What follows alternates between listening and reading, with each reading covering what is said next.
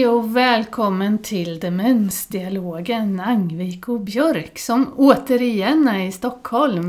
Ja. Hej Liselott!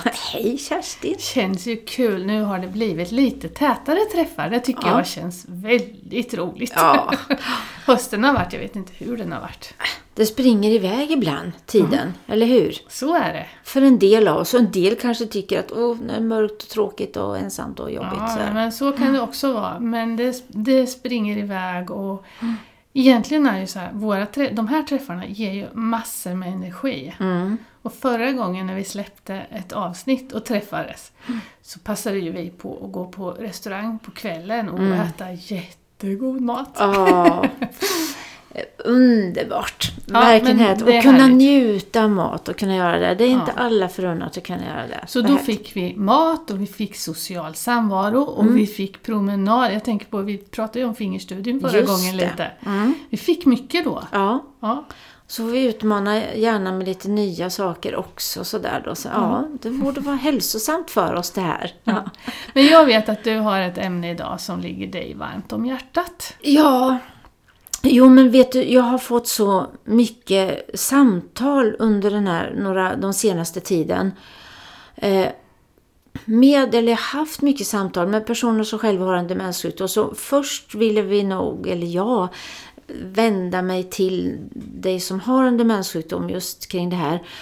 Om du känner igen dig i det här att du har blivit lite ensam sedan du fick diagnosen. Eh, Människor eh, drar sig undan. Det kan vara släktingar, det kan vara vänner. Men också från professionen att varsågod, där har du din diagnos. Vi hörs igen om ett halvår eller ett år. Och någon, alltså man blir jätte, jätte ensam. Vart ska jag ta vägen? Och då har man fått ett jobbigt besked. Eh, om man har en sjukdom som inte går att bota. Eh, Och så blir man helt lämnad ensam. Alltså så, jag kan väl säga, jag, man ska ju inte svära i en podd, det skriver vi i stunden när vi gjorde det här, men jag har blivit alla känslor kan man säga det, både arg och ledsen och förtvivlad när man lyssnar till det här. Och precis det här du säger, om jag minns rätt nu, så Mm. avsnitt fyra Mm. så la vi ut en bild på Köpenhamnsdeklarationen. Mm. Och där var ju när Demensförbundet var med på Alzheimer Europe-konferensen och Ja. hade personer med sig som har en demenssjukdom Mm. som träffade sin workshop med andra personer Precis. med demenssjukdom från Norge, Danmark, Sverige, Finland. Mm. Eh, och precis det här du säger, alltså man blir lämnad, man, det de sa, jag får stafettpinnen med den här sjukdomen. Mm. Och sen då? Nej. Nej, du förresten, jag bara fastnade, du måste ha fuskat, inte kan du komma ihåg att du Jo. var så. Oj, Men okej. vet du varför? Ska jag berätta? Ja. För att jag lyssnade faktiskt igenom ett avsnitt som vi hade som är avsnitt fem. Ja. Och då så såg jag på Instagram det här. Jag tänkte lite, lite fusk var det.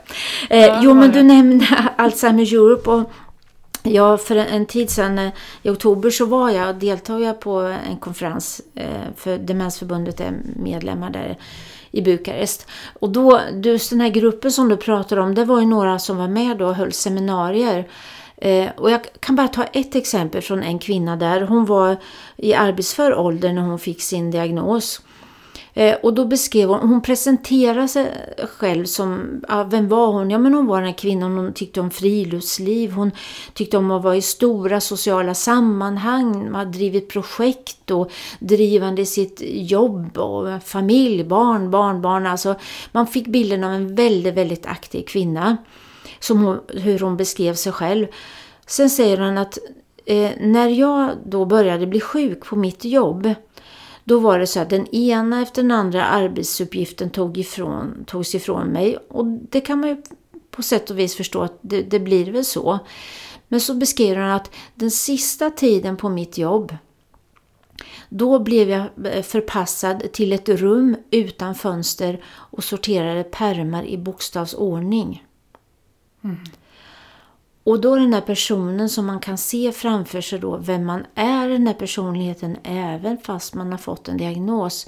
Prata om att bli förminskad och bli fråntagen livet. Så beskrev hon att sen den dagen jag fick lämna det här då, mitt jobb helt och hållet, så har ingen av mina kollegor hört av sig. Ingen av mina chefer har hört av sig. Jag har inte fått göra ett avslut. Så hennes budskap till oss var låt oss som är yrkesverksam ålder få göra ett värdigt avslut på vårt yrkesliv. Och vet du, när du säger det här så tänker jag, oh, vi behöver ut med så mycket mer kunskap till allmänheten. Ja, mm. För det är ju som allmänhet som jag möter de här, nu jobbar jag i vården, men om jag Mm. jobbar i någon annan, Mm. Eh, något annat yrke, att jag har kunskap om hur ska jag tackla när Mm. någon börjar få minnesproblem, få kognitiva symptom. Nej, och om, om du som lyssnar nu själv har fått en diagnos så vet ju du att man är ju inte borträknad. Jag kan börja få vissa svårigheter men man kan ju vara med och vara en del av samhället och ha mycket att bidra med under en ganska lång tid. Ändå kan ju en del människor ha. Ja. Eh, och precis som du säger, det behöver vi lyfta fram. Jag tänker så att vi har ju varit så här pratat om att vi har ju den erfarenheten att det är bra att berätta för grannar, vänner och så här. Men här kan man ju också då tänka att ja, ska jag det? Vågar jag det? Drar sig människor undan då? För det är sådana samtal jag har fått nu under den senaste tiden. Eh, från att det är släktingar som inte hör av sig längre och, och någon, ja, flera gråtande människor i telefon som säger att jag har blivit helt lämnad. Eh, någon berättar att mina, mitt kompisgäng åkte på spa, jag blev inte medbjuden. Eh, den här personen hade lite svårt med, med språket och staka sig lite men det var ju inga problem att ha ett telefonsamtal. Eller alltså prata i ett samtal i telefon. Eh, och jag tror väl ändå att vi står fast vid att om, om du som har en demenssjukdom lyssnar att jo, men det är bra att berätta och förklara men också försök att få andra då att ta del av kunskap. Att ta del av vad, är det, vad innebär det för mig när jag har fått, om det är Alzheimer eller vaskulär eller vad det nu är. Eh, hur, hur kan du förvänta dig att jag fungerar? Vilket stöd behöver jag? Men vad kan jag fortfarande? Sen om man vänder på det så kan man ju också förstå, som jag vet att ja, men det, den här personen är lite annorlunda. Det här blir lite svårare om vi tänker att jag är anhörig eller vän då. Men det är ett ansvar tycker jag att inte lämna någon ändå. Då får vi ta hand om våra svåra känslor. Prata med andra, hur ska jag hantera att eh, min partner börjar bli annorlunda? För stor respekt för det också förstås. Men nu är ju jag från Demensförbundet men jag vet ju många lokalföreningar har ju samtalsgrupper. Det finns ofta bra anhörigstöd i vissa kommuner som har samtalsgrupper. Så man får hjälp att komma över det här och också får, som du sa, kunskap. Eh, Vad kan Men jag säga? tror, om jag generaliserar nu, många kommuner har säkert bra samtalsstöd men jag tror att vi ute i kommunerna behöver bli ytterligare Ja. bättre. Vi behöver snäppa upp oss lite till. Mm. Eh, vi har dagverksamheter men har vi något för de som precis har fått sin diagnos? För det Precis. kanske inte är en dagverksamhet som är mellan 9 och 4 måndag till fredag. Ofta Nej. är man inte fem dagar i veckan. Mm. Men vi behöver något annat. Mm. Och har vi funderat på det? Och, och då tänker jag att det som är så otroligt viktigt är ju att vi måste ju gå ut och fråga. För jag kan ju ha en idé om vad jag tror Mm. att den här, om vi nu grupperar gruppen, Ja. behöver. Ja. Eh, men det är ju inte säkert det stämmer. Så vi behöver ju gå ut och fråga. Mm. Vad behöver ni? Ja. Eh, och hur ser ni på er situation? Och då är det ju så lätt att tänka att ja, men de kan väl inte prata om det. Nej. Men det vet ju både du och jag att de kan väldigt väl förmedla sin situation Ja. och det, sina behov. Ja. Om de har rätt förutsättningar, rätt miljö, rätt person som ställer frågorna. Ja. Jag har precis nyligen nu varit med i ett dialogmöte som Mm. var väldigt positivt. Där personer med Berätta vad... Dialogmöte. Mm. Jo, där jag jobbar i Linköping så har vi mycket funderat på det här. Alltså vi måste ta reda på både hos anhöriga och hos den som är sjuk. stöttar vi på rätt sätt? Eller vill man ha något annat stöd som vi inte har och vad skulle det vara? Och då har vi träffat anhöriga, men vi har också träffat de som är sjuka. Mm. Och haft ett möte där vi dels berättar för de som är sjuka, vad kan man förvänta sig från Linköpings kommun? Vad finns det för stöd att få? Mm. Men vi har också satt oss ner, och då i små grupper, och ställt frågor som rör när man fick diagnosen. Mm. Vad, liksom, Vad händer då? Vad händer Ja. då ja. Eh, och sen vidare, hur ser det sociala nätverket ut? Är det något man har behov av som man inte får hjälp med? Mm. Eh, ja, så några få frågor som resulterar i massor med bra svar. Mm. Det blir spännande att se vad ni kan göra åt det här Ja, vad vi kan, kan förändra. Ja. För det som blir tydligt är ju att man behöver kanske inte den här dagverksamheten 9 till 4. Nej, nej. Man, behö- man behöver en träffpunkt på något sätt. Eh, kanske med tema, kanske med Ja. det som vore väldigt spännande. Men det har jag ingen aning om om vi har möjlighet till. Det vore ju att göra något som hänger ihop med fingerstudien. ja. Och fingerstudien är ju livsstilsfaktorer. Ja, Ja. och då kan man lyssna lite på vårt förra avsnitt så säger Ja. vi lite om det och Ja. vi har även tipsat om den boken. Ja.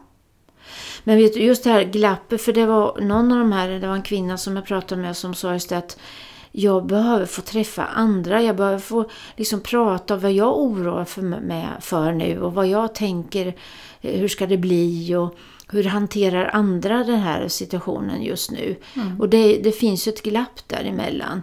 Och alltså, på något sätt så är det så att vi blir så praktiska med en gång för man hade fått något boendestöd och hjälp att hantera fakturor och så här. Men allt det här andra, vem som helst av oss som får en sjukdom som inte är botbar behöver ju stöd och hjälp. Men det finns inte för många i den här situationen. Jag tror vi kan titta både på cancervården Mm. och när man har haft en stroke Ja. Mm. så finns det en kedja som väldigt tydligt beskriver vad man har möjlighet att få Ja.